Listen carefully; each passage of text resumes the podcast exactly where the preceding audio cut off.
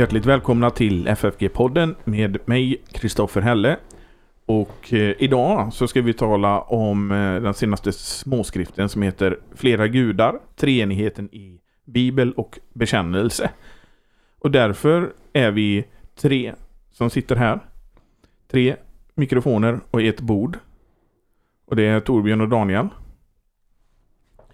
Och eh, självklart så vill vi ju att ni köper de här småskrifterna. Så vill man köpa den här senaste småskriften Flera gudar så kan man få det till priset 31 kronor vilket och eh, det ordinarie priset är 50. Och då mejlar man till info.ffg.se och så anger man koden FFG-podden. Och då får man köpa den här skriften för 31 kronor plus porto. Och är det så att man vill köpa den tidigare, den här Gudomlig glans som Daniel har skrivit och som är avsnitt 133 i denna podden när vi talar om det, så kan man få bägge två för 62 kronor plus porto. Om man anger koden FFG-podden och mejlar till info.ffg.se. Och vi tar också tacksamt emot en gåva via Swish. Numret är 123 100 8457. Och så märker man det med FFG Gåva eller FFG Podcast. Numret finns också i avsnittsbeskrivningen. Och för annat eh, sätt att bidra så finns vår hemsida ffg.se. Och där finns även en eh, riklig resurssida att ta del av. Flera gudar, treenigheten i bibel och bekännelse. Torbjörn, hur kom denna skriften till?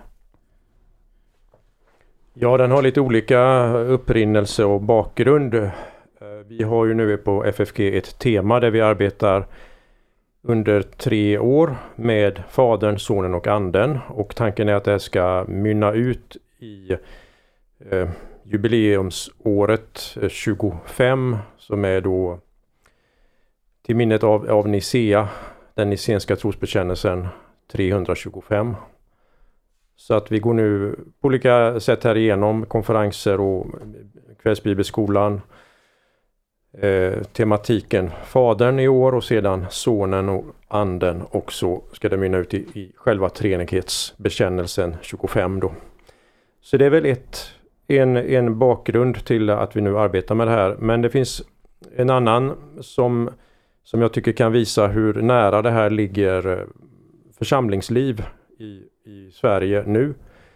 Jag fick för några år sedan, det kan vara tre år sedan kanske, en fråga av en, eh, en medlem i vår församling.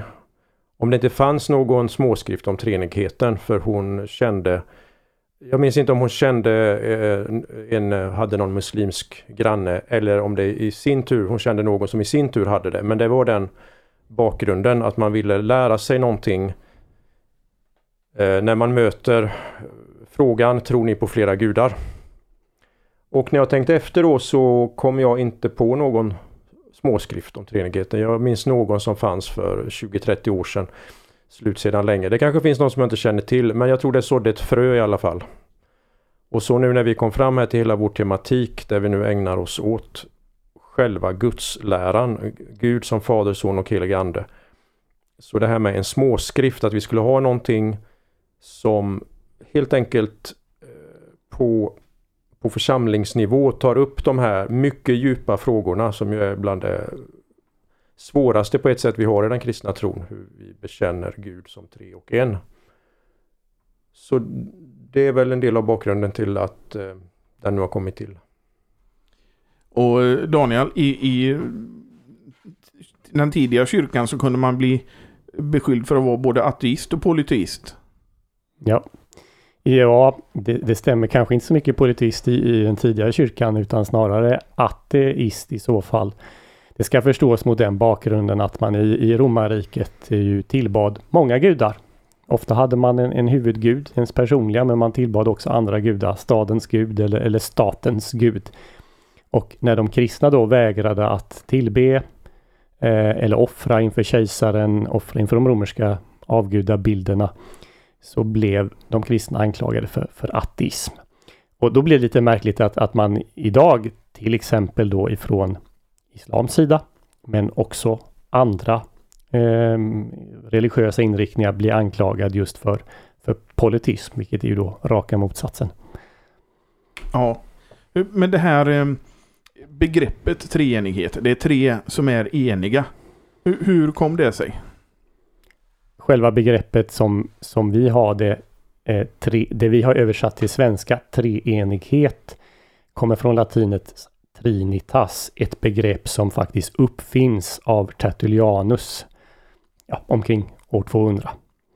Han är det första som myntade begreppet. Sen finns det tretalsbegrepp. Det grekiska trias har, har använts lite tidigare. Um, och ställer man då frågan, finns treenigheten i Bibeln? Ja, det beror på vad du menar med det. Finns begreppet där så måste vi svara ett entydigt nej. Det finns inget sådant begrepp. Men finns saken där? Ja, då får vi svara ett entydigt ja, eller det är i alla fall det vi gör i den här skriften. Um, och här kan man väl påpeka att det finns ett, ett litet unikt drag tror jag, eller åtminstone har det sagts till mig i den här småskriften och det är just att vi, vi har både en exegetisk ingång och sedan en, en, en dogmatisk systematisk ingång. Ganska så kortfattat. Ibland kanske det är till och med någon läsare som tycker att det är väl kortfattat. Men var det så att man, i, att man räknade med den här treenigheten utan att ge den det här namnet först? Oj, det är jättesvårt att veta vad man, vad man tänkte eh, och, och, och, hur man förstod saker. Det vi kan se är ju mönstren i Nya Testamentet. Eh, och det tycker jag är jätteviktigt och det är en jätteviktig poäng. Jag ska säga huvudpoängen med det exegetiska avsnittet, det som behandlar Gamla och Nya Testamentet. Det är att man ska, man får nycklar för att se mönster och jag hoppas att den som lyssnar på det här eller läser skriften mm, kan ta på sig de glasögonen när man läser eh, Nya Testamentet. För mönstret vi ser, det är att de tre gudomspersonerna, så som vi kallar det nu, Fadern, Sonen och Anden, under olika namn och beteckningar dyker upp sida upp och sida ner. Ibland dominerar den ene, ibland den andra och ibland den tredje. Men de kommer där, man kan nästan säga, om man uttrycker sig slarvigt, huller om buller. Men det är de tre och inga andra. Det är huvudpoängen här. Och den andra huvudpoängen jag skulle säga det är att när vi har koncentrerade formler, det man ofta letar efter, eh, liksom, tydliga bevis för treenighetslära. Eh, då är det i sådana centrala eh, utsagor som verkligen berör det kristna livet. Och då tänker jag främst på den allra mest kända, den som hela tiden, dag ut och dag in, har återanvänts i kyrkans historia i Faderns, Sonens och den helige Andes namn. Den som kommer till Jesu eh, ifrån Jesu missionsbefallning eller dopbefallning. För det första man blir utsatt för som kristen så att säga när man döps, det är att det här namnet, den här formen, den nämns över ens. Den är liksom identitetsskapande. Den är liturgisk, den är kultisk. Alltså den, den, den präglar kyrkans liv och den enskildes liv. De här två sakerna visar bara hur central och viktig eh, den här förståelsen av Gud är. Sen har man i, kyrkans historia liksom tänkt vidare hur man ska då förstå det här och definiera det. Men mönstret finns där då eh, i Nya Testamentet, men också i Gamla Testamentet. För det har vi ju talat om innan att det är väldigt tydligt hur eh, i Matteus eh, 28-19 att det är ett namn på de här tre. Ja, det, det står liksom i grekiskan då, vilket inte framgår i svenska översättningar eftersom inte vi gör åtskillnad på namn i singularis och pluralis, men i grekiskan så står det i namnet i bestämd form. Och sen så finns det då en genitiv bestämning till det.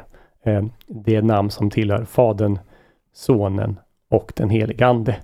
Där, där tycker jag och, och, och, flera med mig att eh, den formuleringen vi sen får i Nicea, ett väsende som delas av tre personer. Den bibliska motsvarigheten till det är ett namn som måste vara Guds unika namn som inte delas av någon annan. Men det delas av de här tre, Fader, Son och Heligande. Men det, det var väl det Tertullianus sa, una substantia tres personae? Ja, det har vi en annan formulering från Tertullianus. Han var den, den store eh, orduppfinnaren i den tidiga kristendomen. Det vill säga eh, ett väsen eller en substans och tre, tre personer kan vi översätta det. Mm. Men du pratade om mönster. Ja. Och eh, trin, det, vi, vi, fokuserar lite på de här trinitariska mönstren som, eh, som finns i, i skriften. Och eh, ett som du nämner är första Petrusbrevet 1.2.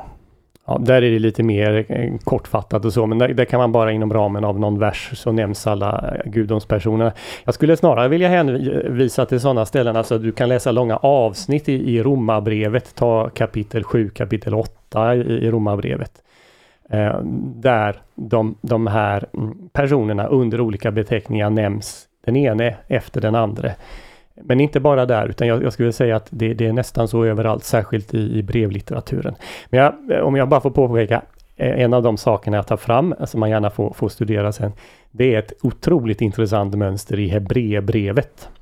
Eh, för i, i Hebreerbrevet så citeras eh, Gamla Testamentet väldigt flitigt. Det citeras på ett väldigt speciellt sätt, till skillnad från all, i princip all övrig litteratur i Nya Testamentet Eh, så inleds inte citaten med ord som det står skrivet eller profeten har sagt eller skrivit och så vidare. Utan varje gång Gamla Testamentet citeras så används uttryck som pekar på att Gud talar. Gud sade, Gud säger till och med i presens. Eh, men då är det så att de här eh, utsagorna från Gamla Testamentet, de tillskrivs i de allra flesta gånger Gud i meningen fader. Men på ett par ställen så tillskrivs de här utsagorna sonen, Kristus. Och på ytterligare ett par utsagor eh, på ställen så tillskrivs de den helige Ande. De tillskrivs ingen annan, inte ens någon profet, utan det är alltid någon ur gudomen som, som talar. Kan det vara en tillfällighet att det är på det sättet? Nej, det tror jag inte. Och, och, det finns flera andra sådana här mönster i Nya Testamentet som finns beskrivna i den här boken. Men de tänker jag inte avslöja nu utan de får man, eh, man får skaffa skriften för att och, och läsa dem. Helt klart. Jag tänkte i vårt förra avsnitt så pratade vi om det här med argument för att eh, sonen är sann Gud. Och en sak som slår mig i den här skriften det är ju hur man som bibelutgivare på något vis kan förstöra lite av Bibelns syfte. Till exempel att eh, inte beskriva anden som en person som Bibel 2000 gör utan som en verkande makt.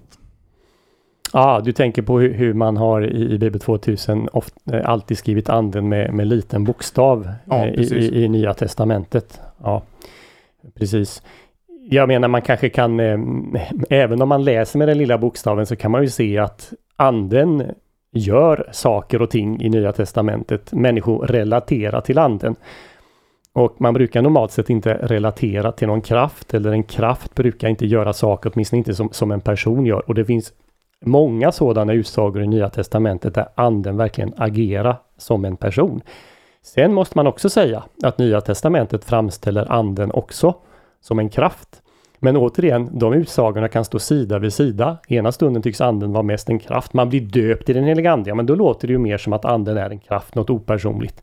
Men när anden i nästa stund eh, sägs att anden till exempel säger eller att anden sänder, ja, då, då är det en person eh, som agerar.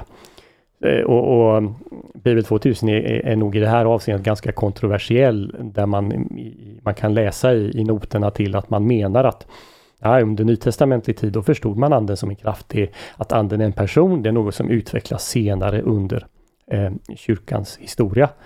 Eh, det är väldigt få utläggare av Nya Testamentet som menar att, att så är fallet. Och, och därför så, så borde man ha översatt med, med stor bokstav, vilket på svenska kommunicerar till oss att det är en person. Man skriver ju inte Kristus med litet k till exempel.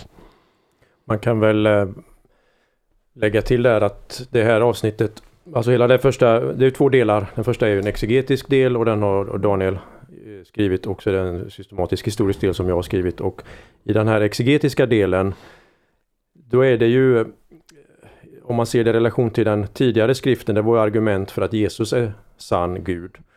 Och jag tror det är ett, ett, viktigt avsnitt i det här, bibelstöd för att anden är sann Gud. Det är ju sånt som vi kristna behöver eh, återvända till och fördjupa oss i för att eh, kunna ge skäl för vår tro att givet nu att detta är en helig skrift som vi tror på, vad talar för att anden är sann Gud? Och det finns ju en särskild avdelning som jag tror är en eh, viktig del och eh, mindre känd del. Men jag tror också det är någonting som den enskilt kristna inte tänker på så mycket utan man tänker på att sonen Jesus är Gud men inte på att anden är Gud. Nej, och det finns mycket som vi har tagit för givet i ett kristet eh, land, land, låt vara kulturkristet eller liksom en kristen tradition. Men om man har talat om Gud så har man tänkt Fader, Son och Ande. Och nu är inte det självklart hur vi ska tala om Gud, det är inte ens självklart om vi ska vilka pronomen han, hon, den. Hur ska vi överhuvudtaget eh, tala om Gud och vad säger egentligen Bibeln om de här frågorna? Så att vi är, vi är tillbaka till en, eh, jag vill säga nästan kyrklig situation där eh, frågan om Gud och politism eller ateism, allting finns i vår samtid och vi behöver som sagt med Petrus ord ge skäl för det vi tror på. Och som sagt det här med anden och, och, och det, det, det, är en viktig del i, i småskriften tror jag. Och då får vi lägga till att det viktigaste här är ofta då att mm, visa att anden är en person och inte enbart en kraft. Att anden är Gud kanske är lite mer självklart utifrån gamla testamentet och kontexten. Det talas om Guds ande och, och så vidare. Men att anden verkligen också är en person. Och där, det, det är det jag lägger störst vikt vid i det avsnittet. Men eh, man har ju sagt då att eh, Fadern tillskrivs skapelsen, Sonen återlösningen och Anden helgelsen. Men inte med det sagt att de andra gudomspersonerna är inaktiva. Utan alla verkar samtidigt men det är någon som är, vad ska man säga, den drivande. Jo, det är så man brukar uttrycka det att um, man brukar i dogmatiken använda ordet i synnerhet. Så att skapelsen tillskrivs i synnerhet Fadern även om både Sonen och Anden ju är verksamma vid skapelsen. Frälsningen tillskrivs i synnerhet Sonen, även om Fadern och Anden och, och så vidare. Så att det, det är så man uttrycker dogmatiken. Och det finns ju bibelställen, eh, alltså det är ju, allt detta är ju eh, ett iakttagande av olika bibelställen. Um, men det är viktigt att se hela dynamiken, att man Fadern, Sonen och Anden och om vi tänker på Lilla katekesen där, där eh, rubrikerna är så här som är en gudomsperson och en särskild gärning att, att man har levt i det här och sen finns det tider i kyrkans historia som har varit fattigare får man säga då då det liksom nästan har reducerats, man bara har talat om Gud. Men det är ju inte så Bibeln beskriver utan det är Fadern, Sonen och Anden och vi ska försöka spegla det i vårt sätt att bekänna och vårt sätt att predika och hur vi tror och bekänner. Och Daniel, eh, den här exegetiska delen den innehåller ju också en gammaltestamentlig del. Där du bland annat återknyter till det här schema att Gud är en. Men det tänkte vi att det får ju man beställa boken och, och läsa om själv. Det kan vi inte eh, ta upp här och nu. Nej, det, det tycker jag inte. Och, och, det är kanske det som ehm, om man inte har studerat de här frågorna kanske har minst koll på. Så att vi säger ingenting om Gamla Testamentet. Men jag vaskar fram ett ganska så stort och brett material från stora delar av, av GT där. Och eh, vi påminner igen att man kan få köpa boken till specialpris. Ordinarie pris är 50 kronor. Men eh, om man anger koden FFG-podden och mejlar till info.ffg.se så kan man få köpa den för 31 kronor plus porto.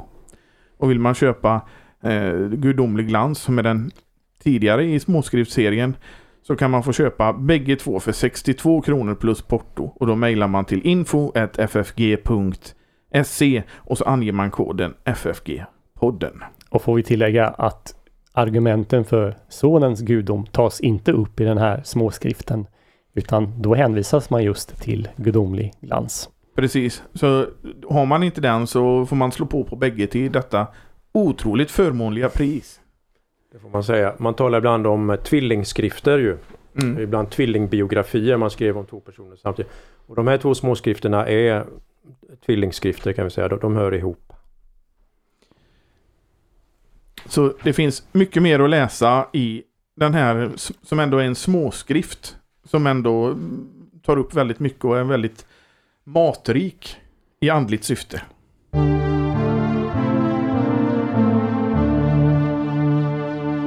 Ska vi gå över till eh, den systematiska delen.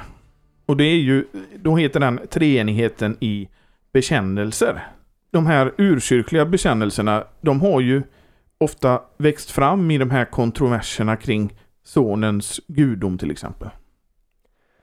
Jo, man kan säga att det är ett försök att um, teckna huvuddrag. Det blir ju väldigt såklart summariskt. Men där man kan tjäna på det är en slags översiktlighet. Så i fornkyrkan så var det de första århundradena ständiga strider faktiskt mellan olika riktningar och hur man ska förstå eh, inte minst Jesus som sann Gud och sann människa. Och en del förnekar det ena, att han inte var sann eh, Gud. Och andra förnekade andra att han inte var sann människa. Och de här striderna och, pågick ju och fick på många sätt sitt, eh, sin avslutning och sin Även om det inte var, det var egentligen inte en slutpunkt utan det, det tog ny fart efter det också. Men 325 är ändå en viktig milstolpe. Och, och i inledningen här tecknas några av de här olika eh, irrvägarna som fanns i fornkyrkan. Men det här är ju också, om vi pratade om mönster innan, så är det ju ett mönster även i senare, till exempel lutherska bekännelser, att det är någonting man är emot och så behöver man utreda den här frågan och så kommer man fram till någonting som man bekänner. Jo, det är framvuxet på liknande sätt i, i polemik och strid, alltså att man och eh, man eh, dels bekände man sanningen men man också av, avvisade det man menar var, var fel. Jag tänkte att ska vi gå in på någon, några av de här eh, eh, inriktningarna som fanns. Och då är ju det här till exempel eh, dynamism. Ja. Det finns nu sådana här kort namn då på olika ismer, alltså riktningar som, som fanns där. Och vi kan ofta se det i kyrkofädernas egna skrifter. För att de här som stod för låt säga dynamism eller ebionism och andra som har nämnts här tidigare. De skrifterna förstörde man ofta i fornkyrkan. För man såg det som giftkällor som inte skulle få sprida det här falska. Utan de förstördes ofta. Så det sätt man känner till dem är egentligen när kyrkofäderna polemiserar mot det här, strider mot det här och då beskriver de ju indirekt också deras eh, ståndpunkt. Så att dynamismen um, kommer från grekiskans dynamis som betyder kraft. Och själva grundidén i den här det är att Jesus var egentligen en människa som alla andra, men han fick vid dopet Guds kraft. Han förenades med Guds kraft. Och han eh, på liknande sätt som man i grekisk-romerska sammanhang kunde tänka sig att någon togs upp och blev gudomlig eller nästintill gudomlig eller en slags hero eller hjälte så skulle Jesus vara eh, något liknande men därmed alltså inte identisk med den högste guden. Så att det här är ett sätt att göra Jesus mer än en vanlig människa men likväl inte identisk med Gud som man förnekar här hans sanna gudom. Eh, sen har vi ju arianism som, som på något vis även lever kvar idag. Arianismen är ju en liknande grundtanke. Eh, Arius på 300-talet som är den som startar hela det som leder fram till eh, att kejsar Konstantin får samla kyrkomötet 325, det första stora, det räknas som det första ekumeniska kyrkomötet eller konciliet. Eh, han förnekar också att Jesus är sann Gud, men han menar att Jesus är något mycket mer än alla vi andra. Han är han är skapad före världen och världen skapades i honom. Men det viktiga är likväl enligt Arius att han är, är skapad och därmed inte identisk med den högste guden. Och det, jag tycker det är särskilt intressant. Eh, man kan säga Arius huvudmotståndare var en biskop som hette Athanasius.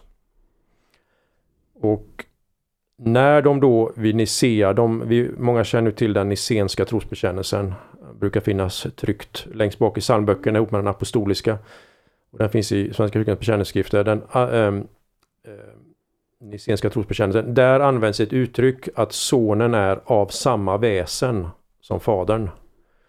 Och det här uttrycket då på grekiska är homoousios.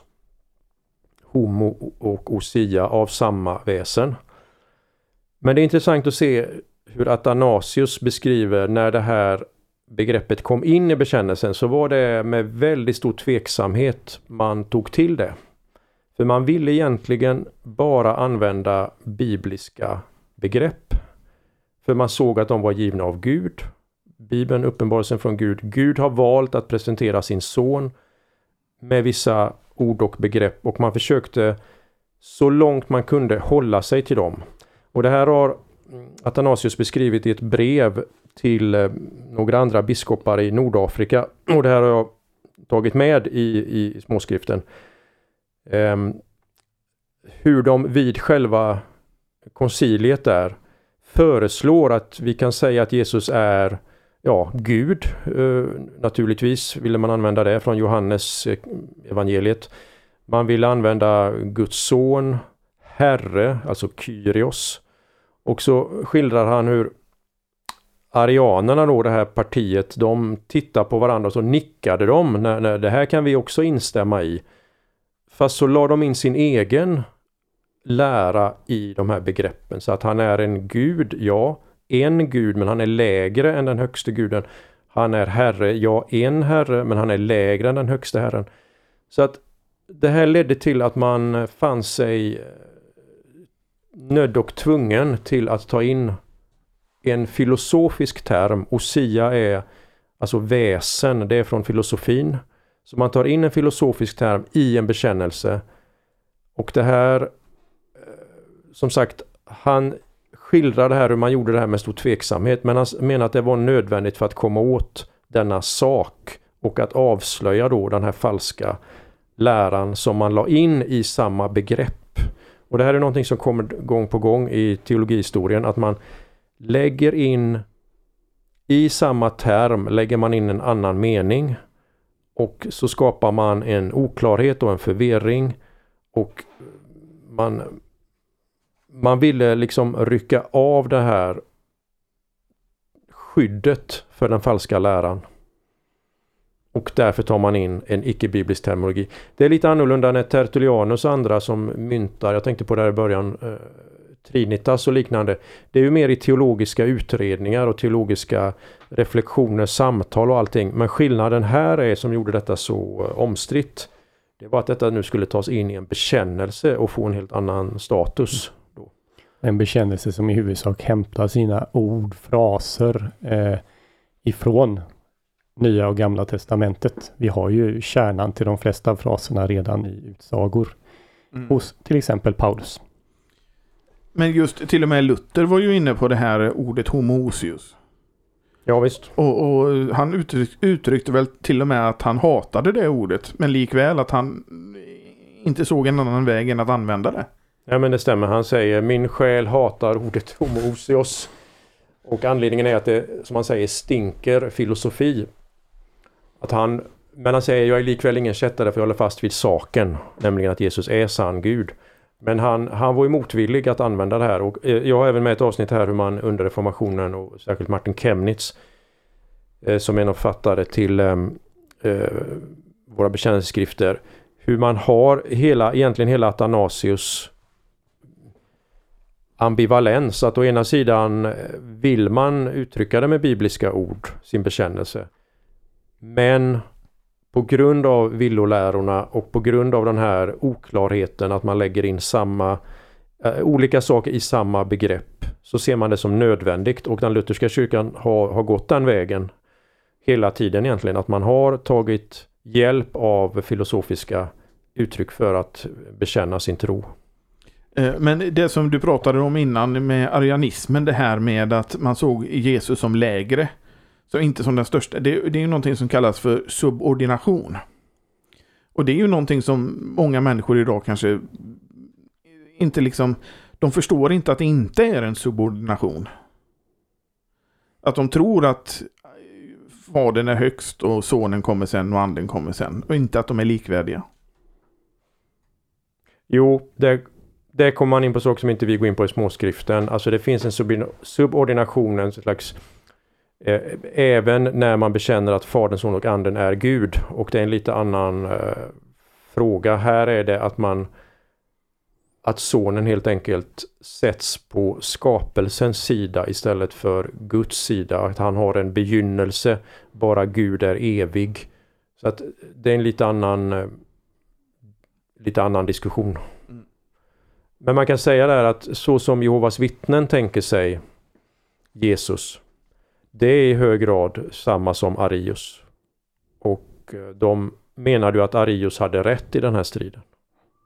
Så att Jesus är inte sann Gud. Det är liksom kärnan. Och i mm, bekännelseskrifterna som vi väl inte tar upp i den här småskriften tror jag inte men eh, där när Melanchthon i Augsburgska bekännelsens första artikel beskriver olika sätt där man eh, lär fel om Gud så nämner han eh, arianismen.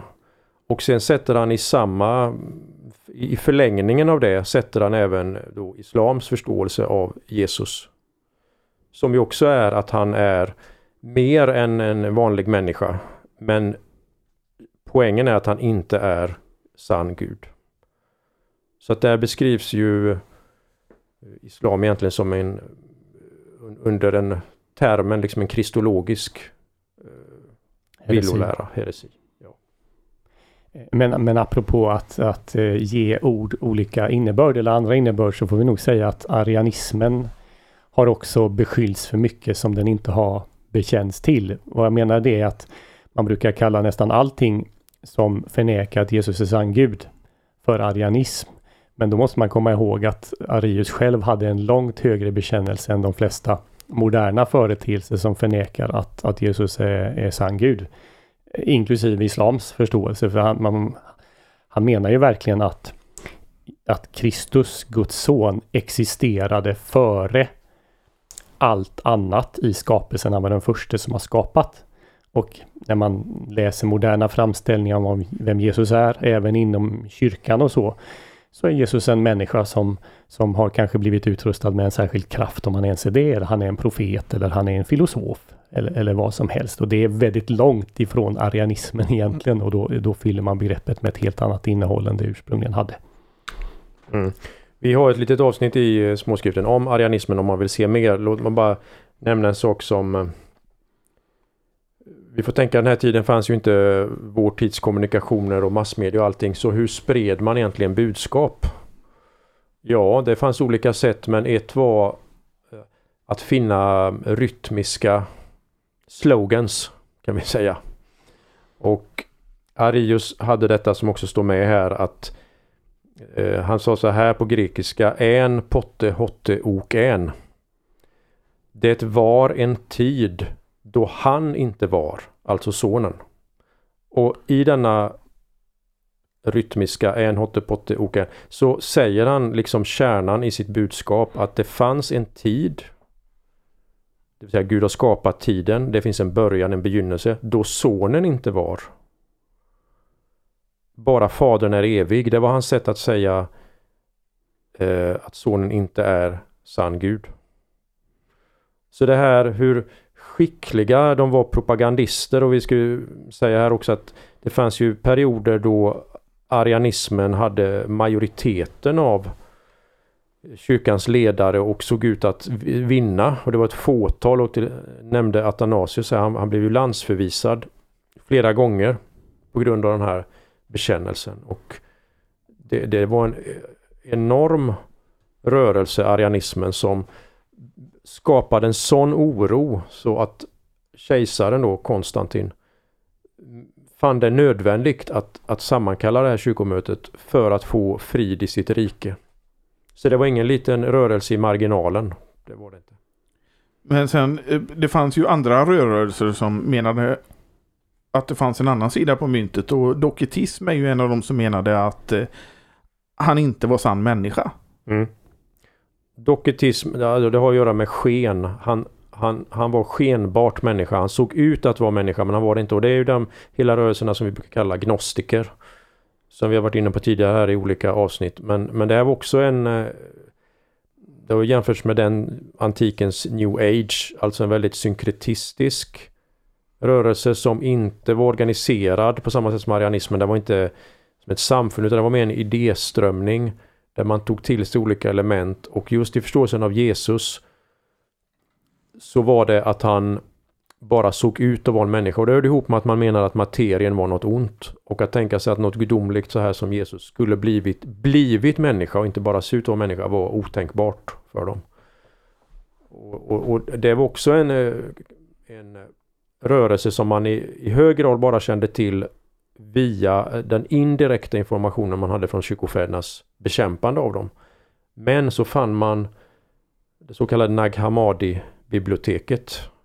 Ett eh, gnostiskt litet men dock bibliotek med flera skrifter som i hög grad bekräftade det här som man redan visste från kyrkofäderna men också kom mycket ny information. de här gnostis gnostiska evangelierna som tecknar en helt annan bild av Jesus än eh, de fyra kanoniska evangelierna gör. Men gnosticismen var ju väldigt tidig i den i kyrkans historia. Den var mycket tidig, ja absolut.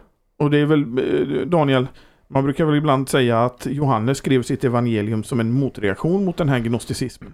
Ja, vi vet väl inte säkert om han, att han, om han skrev sitt evangelium eller sina brev som en, en direkt motreaktion mot någon definierad gnosticism. Däremot kan man konstatera att det finns utsagor, framförallt i, i första Johannesbrevet, eh, som, som eh, går emot en sådan tendens där man förnekar att han har kommit i, i köttet. Så, så tankegodset finns det i alla fall i tiden. Sen är det omdiskuterat när gnosticismen så att säga uppstår mer definierat som en rörelse.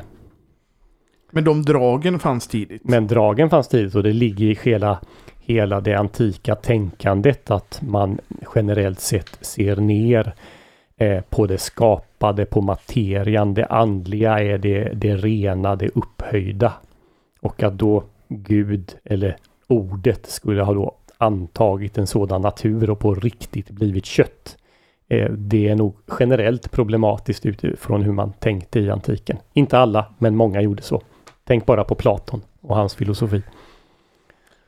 Eh, men just det här med treenighetsläran. Det är någonting som också är ett ämne för reformationen. Mm.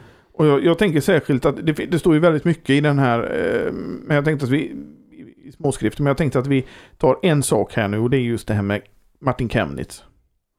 Och han säger att treenighetsläran är en samling, eller en sanning, som går utöver vad en människas förnuft kan begripa. Mm.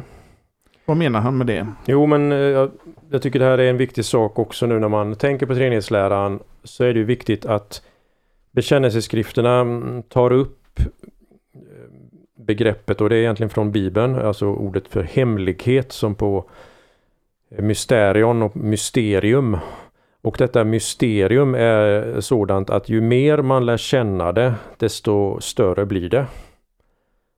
Det är inte så med andra mysterier om vi tar en mer vardaglig mening att det är ett mysterium men sen får man veta en lösning och så är det inte längre ett mysterium. Men det här är snarare som att rymdens oändlighet, ju mer man lär känna den och ju mer man förstår av den desto större blir hela mysteriet hur, hur det här är möjligt och hur det hänger ihop.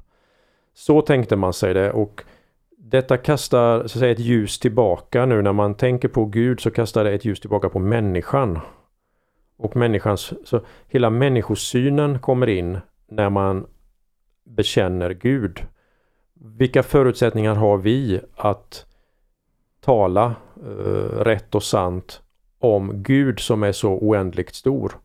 Och då var man väldigt medveten om att förnuftet som en Guds gåva har sina bestämda gränser.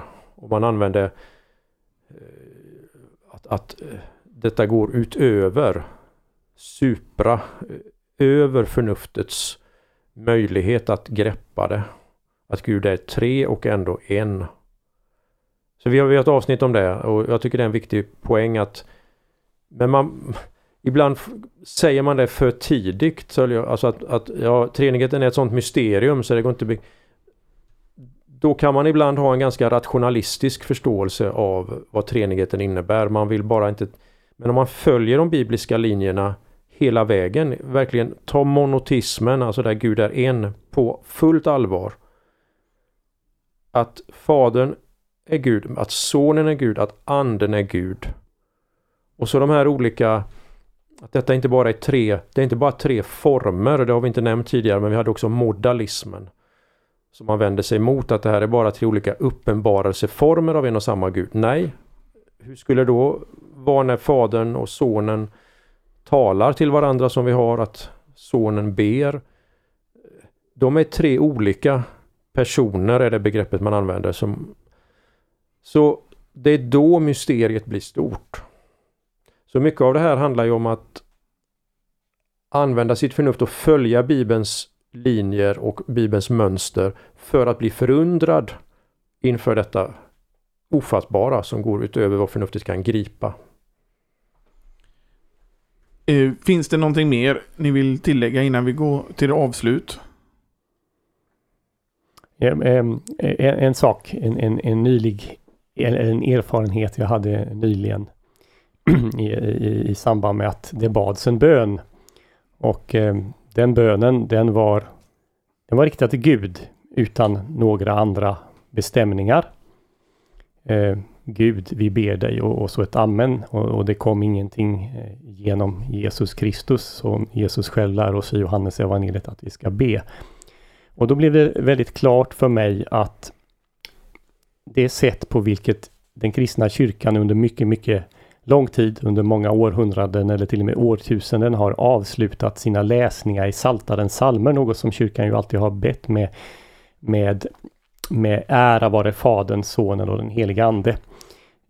Det, det, blev klart för mig hur viktigt det är att, att faktiskt göra det. Jag har ibland suttit och känt att nu ska vi avsluta Salta salmen så här eh, med, med, med detta gloria igen, denna äretillsägelse. Och det kan kännas överflödigt. Det räcker inte att vi ber så att säga Saltarens psalm. Men i en kontext där man idag faktiskt, så som är fallet i, i Sverige, undviker att kalla Gud för Fader, Son och Helig Ande eller man undviker i sin bön att definiera vem Gud är utan bara tilltala Gud, Gud.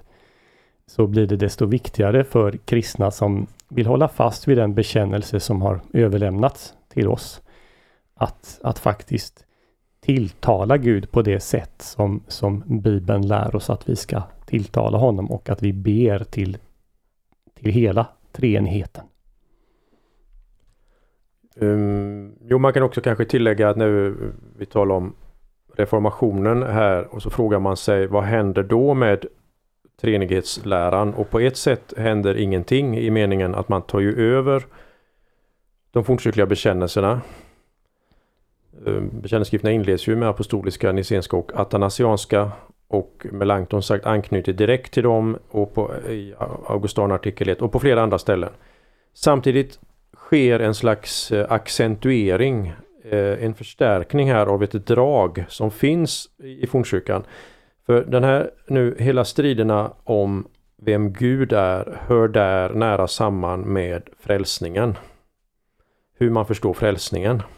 Och detta kommer ju till uttryck till exempel i Nicenska där det står som för oss och för vår salighets skull har gjort och så kom, alltså har, blivit människa. Så att det här för vår salighets skull finns med. Men det här förstärks så att hela treenighetsläran sätts eh, in i det här perspektivet för oss. Gud har uppenbarat sig som Fader, Son och Ande. Allt är för oss för vår frälsnings skull. Inte för att vi ska spekulera, inte för att vi ska bli um, förvirrade av det här utan det är för frälsningens skull som den här uppenbarelsen sker. Och Det tycker jag är ett, alltså treenighetsläran och frälsningen som en, en rubrik är en viktig aspekt på det. att Det är inte spekulativt, tvärtom. Det här är högst handfast vardagskristendom, hur vi lär och bekänner om Gud eftersom Gud är en verklighet. Denna verklighet har han uppenbarat i skriften. Bekännelsen vill säga detsamma som och då, har, då är vi inne i hela bekännelsen till Gud som treenig. Och då kan man väl tillägga där eller att, att man i, i senmedeltida teologi hade spekulerat ganska mycket kring treenigheten, kring de inbördes relationerna. Men reformationen lägger fokus på vad Gud gör för oss. Eh, och, och det är skriften uppenbara. Så att på, på det sättet är det också ett, en tillbakagång till, till eh, skriftens lära om, om treenigheten. I den här podden så har vi ju under en eh, lång stund genomgått eh, den första evangeliska dogmatiken i Philip Melanchtons Lås i kommunes 1521. Men den här småskriften den avslutas med ett eh, citat från Philip Melanchtons Lås i kommunes 1543. Och då säger han treenighetsläran är given för att vi ska kunna tillbe, åkalla och förkunna Gud så som han har uppenbarat sig själv. Det tycker jag blir en bra avslutning på detta samtal. Det har varit roligt att ha med er här, tre stycken i vår lilla studio här. Jag hoppas vi återkommer snart till dig igen. Får vi hoppas. Och eh, vill man köpa den här småskriften till ett förmånligt pris så gör man det genom att mejla till info.ffg.se och så anger man koden FFG-podden och så kan man få köpa den för 31 kronor plus porto istället för ordinarie pris eh, 50 kronor plus porto. Och vill man köpa den tidigare småskriften i den här serien, alltså dess, dennas tvillingskrift, Gudomlig glans, så kan man få köpa bägge två för 62 kronor plus porto. Och då mejlar man också info.ffg.se och så anger man koden FFG-podden så får man detta till ett mycket förmånligt pris. Man kan också ge ett bidrag till denna poddens och församlingsfakultetens arbete och det gör man bäst på Swish 123 100 8457 och så märker man det med FFG Gåva eller FFG Podcast. Numret finns också i avsnittsbeskrivningen. Man kan också bli månadsgivare. Och då eh, finns det mer information om det på ffg.se. Vi hörs igen nästa vecka. Hej då!